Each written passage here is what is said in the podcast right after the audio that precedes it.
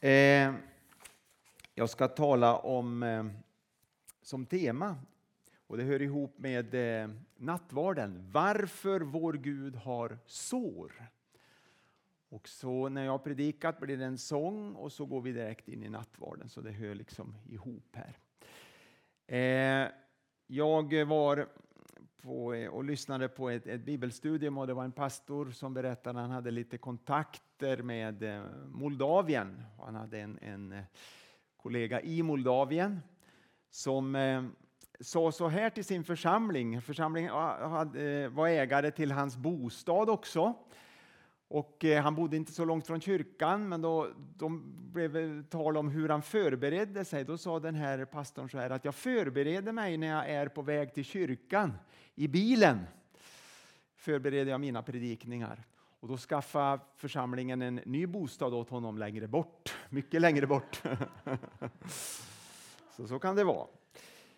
För mig tar det ungefär 25 minuter hit, men eh, jag har förberett mig innan, så kan jag säga. ja. Vi ska läsa Johannes 20, 19 och framåt. Där står det så här. Och när Jesus uppenbarar sig efter sin eh, uppståndelse. 20 kapitlet, 19 versen och framåt. På kvällen samma dag, den första veckan, satt lärjungarna bakom reglade dörrar av rädsla för judarna. Då kom Jesus och stod mitt ibland dem och sa till dem Frid åt er alla. Sedan visade han dem sina händer och sin sida. Lärjungarna blev glada när de såg Herren. Jesus sa till dem Frid åt er alla. Som Fadern har sänt mig sänder jag er. Sedan andades han på dem och sa Ta emot helig ande. Om ni förlåter någon hans synder så är det förlåtna och om ni binder någon i hans synder så är han bunden. En av de tolv, Thomas, som kallades Tvillingen, hade, varit, hade inte varit med när Jesus kom. De andra lärjungarna sa nu till honom, vi har sett Herren. Men han sa, om jag inte får se spikhålen i hans händer och sticka fingret i spikhålen och sticka handen i hans sida så tror jag det inte. En vecka senare var lärjungarna samlade igen och Thomas var med. Då kom Jesus trots att dörrarna var reglade och stod mitt ibland dem och sa Frid åt er alla. Därefter sa han till Thomas Räck hit ditt finger, här är mina händer. Räck ut din hand och stick den i min sida. Tvivla inte utan tro. Då svarade Thomas, min Herre och min Gud. Jesus sa till honom, du tror därför att du har sett mig. Saliga det som inte har sett, men ändå tror. Gud, vår Gud har sår. Varför har Gud sår? Man kan fundera på det. Här var Jesus uppstånden i en härlighetskropp, en ny förhärligad kropp. Ändå så har han såren kvar. Hur kommer det sig? Man kan fundera varför var inte de borta när, när allt var liksom nytt? Eh, jag tittade på en predikan på internet och då påminde den här pastorn om oss eh, eller åhörarna vad Jesus heter på teckenspråk. Är det någon som vet? Är det någon som kan teckenspråk? Ja, så. Sen tror jag det är så också. va? Man visar såren. Jesus på teckenspråk. Så. Det är inte så, eller någon macho-person, utan det är den sårmärkte Jesus Kristus. Det är någonting att tänka på. I Uppenbarelseboken, femte kapitlet och sjätte versen, så ser Johannes eh, en syn. Han ser ju flera syner där som vi vet, men då ser han så, säger han så här. Eh, och jag såg att mitt för tronen och de fyra varelserna och mitt för de äldste stod ett lamm och det såg ut att ha blivit slaktat. Det återkommer ständigt, det slaktade lammet.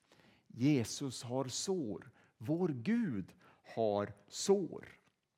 Det fanns en predikant 1800-talet. En del av er har hört talas om honom. Kanske inte alla, men en del kanske har läst något av honom också. Eh, C.H. C. Spurgeon, Charles Haddon Spurgeon. Han var i England, i London. De kallar honom för predikanternas furste. Det är ett väldigt fint omdöme. Men han var en fantastisk predikant och förkunnare och skrivit en hel del böcker och påverkat mycket evangelisk kristendom. Spurgeon skrev så här, med lite gamla ord och så här, men ändå är det väldigt vackert skrivet. Varför skulle vår upphöjde Herre visa sig i härligheten med sina sår? Jesus sår är hans prakt, hans juveler, hans invigna besmyckningar. För den troendes öga är Jesus överlägset vacker, för han är vit och röd. Vit av sin oskuld och röd av sitt eget blod.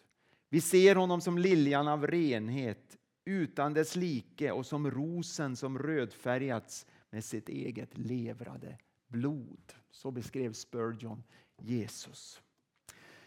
Såren, att Jesus och att vår Gud är en sårad Gud, det visar på hans helighet, på hans renhet. Det påminner oss om att han är ren och helig. Men också hans kärlek på samma gång, att han utgöt sitt blod för oss. Vår Gud är en som har delat våran smärta, ja den allra djupaste smärtan som är vår synd. Men också allt lidande som vi har och, kom, och går och kommer att få gå igenom. Och han delar fortfarande vår smärta. Det var inte bara historiskt utan han gör det varje dag. Vår Gud är en lidande Gud. Jämför med andra gudar, så kallade gudar som finns. Jag tänker till exempel på Buddha. Har ni sett en Buddha-staty någon gång?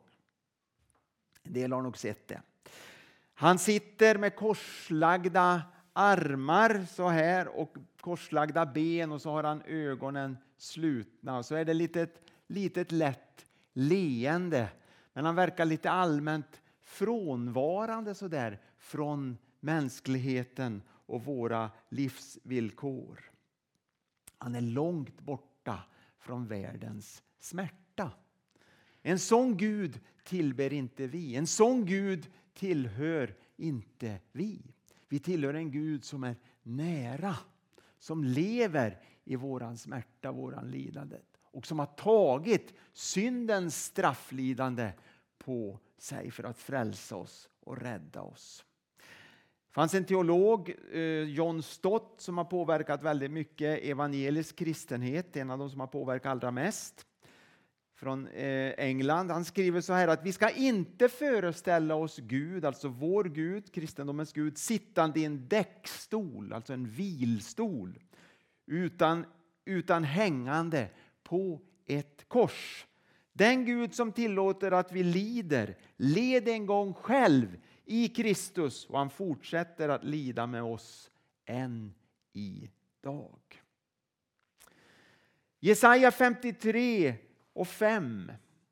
Där läser vi om kraften i Jesus sår. Det står så här i femte versen. Ska vi se om det kommer upp här. Han var genomborrad för våra överträdelsers skull, slagen för våra missgärningars skull. Straffet var lagt på honom för att vi skulle få frid. Och lyssna, genom hans sår är vi helade. Det är genom Jesus sår som vi är helade. Det är fantastiskt. Såren. Det är därför såren fanns kvar också när Jesus hade uppstått från de döda. Och påminner oss om Guds rättfärdighet, hans helighet men också hans kärlek, att han led och dog för oss. I mötet med den lidande Jesus Kristus, där finns frälsningen och helandet. Det är där kraften finns i evangeliet. Den förvandlande kraften. Världen strävar efter styrka, så har det alltid varit. Se alla världsledare och politiska ledare idag. Man ska imponera och visa sin maktfullkomlighet. Ödmjukhet som Bibeln lyfter fram som någonting stort, positivt och som kännetecknade Jesus speciellt personifierade Jesus. Det värdesattes inte i romarriket. Man föraktade ödmjukhet. Det var ingenting som var någonting som man liksom eh, lyfte fram som något positivt. Och så är det ju också mycket, i alla fall i våran tid. Det finns ett förakt för det som är svagt.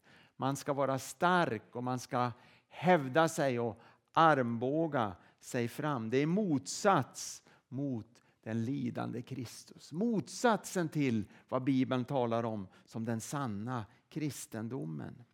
Filipperbrevet vill jag också läsa, andra kapitlet, femte till elfte versen. Ett av mina favoritbibelställen i, ehm, ja, i, i, överhuvudtaget i Bibeln som jag ofta återkommer till. Filipperbrevet 2, 5-11. Låt det sinnelag råda hos er som också fanns hos Kristus Jesus. Han ägde Guds gestalt men vakade inte över sin jämlikhet med Gud utan avstod från allt och antog en tjänares gestalt då han blev som en av oss. När han till det yttre hade blivit människa gjorde han sig ödmjuk och var lydig ända till döden. Döden på ett kors. Därför har Gud upphöjt honom över allt annat och gett honom det namn som står över alla andra namn för att alla knän skall böjas för Jesu namn i himlen, på jorden och under jorden och alla tungor bekänna att Jesus Kristus är Herre, Gud Fadern till ära. Jesus ödmjukar sig ända in i döden. Gud klev ner och blev människa. Han lämnade himlen och heligheten och kom ner hit som en tjänare, böjde sig ner för att tjäna oss och ödmjuka sig ända in i döden, ända in i döden på korset. Därför har Gud upphöjt honom, läste vi här. Jag vill bara helt kort nämna några, eh, några personer här som eh, fick tag på det här att Gud är en Gud som har sår. Gud är en Gud som har lidit för oss och vad det gjorde i deras liv. En man som har skrivit väldigt, väldigt många böcker och var väldigt känd som, eh, som akademiker också och teolog var Henry Neuven vet inte om ni har hört talas om honom. Men han skriver och berättar om sitt liv, hur Gud kallar honom att lämna sin akademiska karriär. Han var, han var inte tillfredsställd i sitt hjärta med sitt liv. Och Gud kallar honom att leva med handikappade ungdomar. Och han fick ansvar för en pojke eller en ung man som hette Adam, en hjärnskadad 20-åring. Och det upptog det mesta av hans liv, att sköta om Adam och ge honom frukost, att eh, förbereda honom inför dagen. Och eh, det tog väldigt lång tid, kanske ett par timmar bara den delen av, av hans arbete med den här pojken. Och han berättar att Gud talade till honom som aldrig förr i den nya situationen. Och han talar om utifrån det här bibelstället som vi läste i Filipperbrevet att kliva ner, att Gud kallar oss att kliva ner och komma underifrån och betjäna människorna. Och det kände han sin tillfredsställelse. Han kände att han var rätt att betjäna de svagaste och de mest sårbara människorna. Där, då lever man mitt i Guds välsignelse. Det skrämmer ofta av oss människor. Människan, den världs, världsmänniskan om man säger så, hon tänker bara att kliva upp, karriär, stegen går så här, men inte att kliva ner. Men vi har en Gud som klev ner och visade oss att, vi ska, att det är den vägen som gäller som Jesu efterföljare. Det fanns en man som hette Martin av Tours. Han var biskop på 300-talet. Han kallas också Martin den barmhärtige. Han var, innan han blev biskop var han romersk soldat, men han hade upplevt frälsningen i Jesus. Och en dag så möter han en fattig tiggare. Han är ute och rider en kall vinterdag. Martin han har inga pengar, men det berättas att han tog av sig sin soldatkappa, en väldigt rejäl, robust kappa och delade den i två delar och gav den ena delen till tiggaren. Så behöll han halva själv. Och eh, det var väldigt kallt, så den natten var han helt blåfrusen. Han, men under natten så hade han en dröm och han såg Jesus i himlen omgiven av änglar. Och det mest anmärkningsvärda var att Jesus bar en halv soldatkappa i drömmen. En ängel frågade Herren, alltså Jesus, varför han bar den. Allt det här var ju en dröm då. Jesus svarade, min tjänare Martin gav den till mig. Så när han välsignade tiggaren så, välsign, så gjorde han det för Jesus. Och Det är någonting att tänka på. Det vi gör för tiggaren, främlingen, alkoholisten, de svagaste, de mest de sjukaste, det gör vi för Jesus. Det kan vara mm, någonting att tänka på. Ibland kan man vara lite irriterad. Jag vet inte hur du känner när man möter tiggare utanför eh, Willys eller Lidl eller Coop eller vad det nu är. Eh, jag kan känna lite irritation ibland för man har ju inte det här med pengar och kanske kontanter och sådär. Men samtidigt så tror jag det är viktigt att påminna sig om det att det vi gör för de här människorna, det gör vi för Jesus. Det är ingen som sitter där för de tycker det är roligt. Absolut inte. De är fattiga, i alla fall de som finns, som vi ser här, här i Mariestad. De har det svårt. Eh, de får inte mycket pengar och får ofta kanske ovett och, och glåpord och svordomar och sådär. Men vi har gjort det, eh, och det är inte för att jag säger vad vi är bra, för jag, jag, jag kan också känna lite sådär att ah, lönar det någonting till och sådär. Och det kan man ifrågasätta sig om det gör kanske. Men samtidigt så tror jag det är viktigt att välsigna. Och man behöver inte ge mycket, men man kan kanske köpa någonting. Ge dem en dricka eller en chokladbit eller en bröd, lite bröd. Och så välsigna dem och säga att, att Gud välsigne er. Det här gör jag för att Jesus älskar dig. Och Det gör någonting med de här människorna. De skiner alltid upp och blir glada. Min fru är väldigt mån om det. Hon vill absolut att vi ska göra det. Jämt. Har du, har du inga pengar? Det var, det var alldeles för lite. Jag kanske känner, nej, jag, ah. men, men hon påminner mig. Hon är lite den där törntaggen där. Så, eh, men det är en välsignelse och vi gör det för, för Jesus. Om du gör det också så, så gör, du, gör du det för Jesus och det välsignar den här personen. Så tänk på det nästa gång att istället för att känna det där ah, irritation och du kanske inte har mycket eller kanske inte har några pengar alls eller välsigna kanske bara ett vänligt ord eller, eller köp någon liten grej bara. Det behövs inte mer. Bara en liten tanke. Det var bara ett exempel. Det finns hur mycket exempel som helst. Det är att hälsa på den som är sjuk eller den som är ensam och den som är svag eller ringa någon som har det svårt. Det är ju samma sak egentligen. Att man gör det för Jesus. Palliativ, palliativ vård, förlåt mig. Det kommer faktiskt från det här med Martin av Tours Pallium är mantel på latin och man brukar säga att det är den första palliativa handlingen var det här som Martin Tors gjorde när han gav halva manteln till den här tiggaren. Det kan vara en liten intressant grej bara. Dag Hammarskjöld vill jag också nämna. Före detta generalsekreterare i FN. Han omkom 1961 i en flygolycka.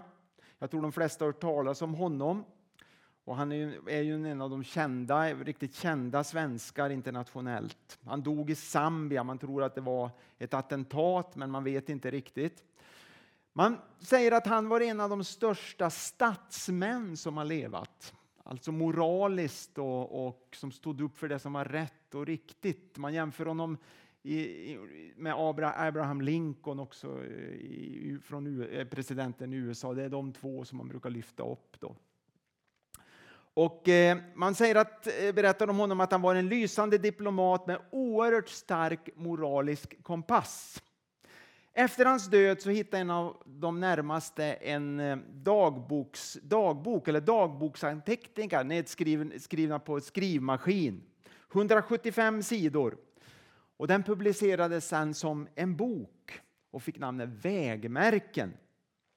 Där Hammarskjöld skrivit ner eh, dagboksanteckningar. Han har också, de, man hittar också ett brev där han godkände att dagboksanteckningarna publicerades utifall man ansåg att det fanns något värde i texterna.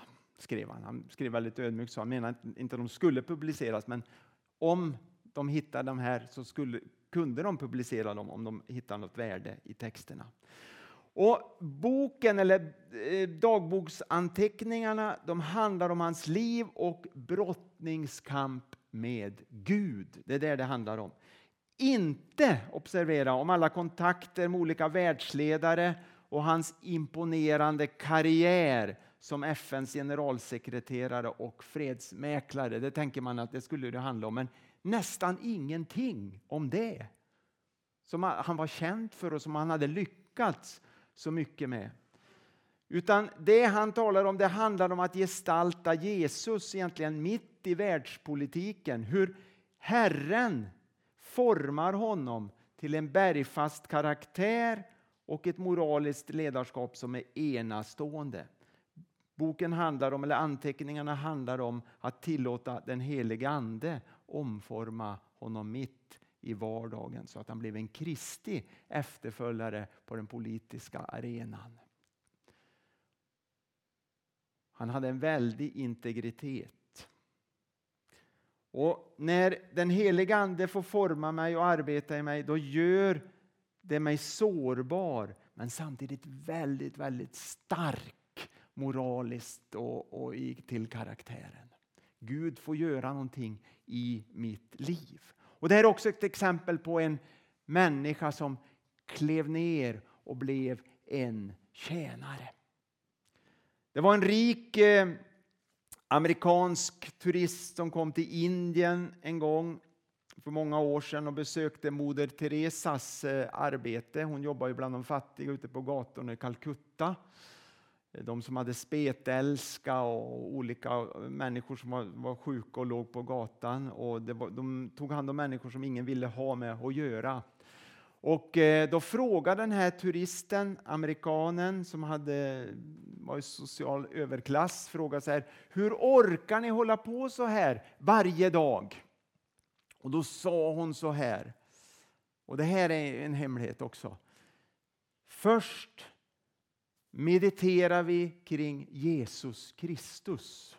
Man samlas, man satt i bön, stillhet och så tänkte man på Jesus. Och sen går vi ut och söker honom förklädd i de sjuka och de fattiga. Det är väldigt starkt. Den guden tror vi på, en Gud som har sår. Det är den sårmärkte Jesus Kristus som frivilligt steg ner och lät sig torteras och dödas som formar oss till Guds avbilder mitt i den här galna världen skulle jag vilja uttrycka mig. Och det gör oss till nya människor. Jesus finns där lidandet är som störst, där är han som allra mest närvarande. Och ett möte med den sårade guden förvandlar vårat liv. Kommer ni ihåg nu? Jesus på teckenspråk. Det glömmer ni inte. Amen. Tack Jesus att du ska vara med i fortsättningen av den här gudstjänsten. Var med också nu när vi firar din måltid. Tack att du är den sårade guden. Tack att du har lidit och dött för oss. Tack att det ger oss liv och det ger oss kraft och det ger oss hopp och förvandling. Vi prisar dig för det Herre. Tack att vi också får kliva ner och vara dina tjänare. I Jesu namn. Amen.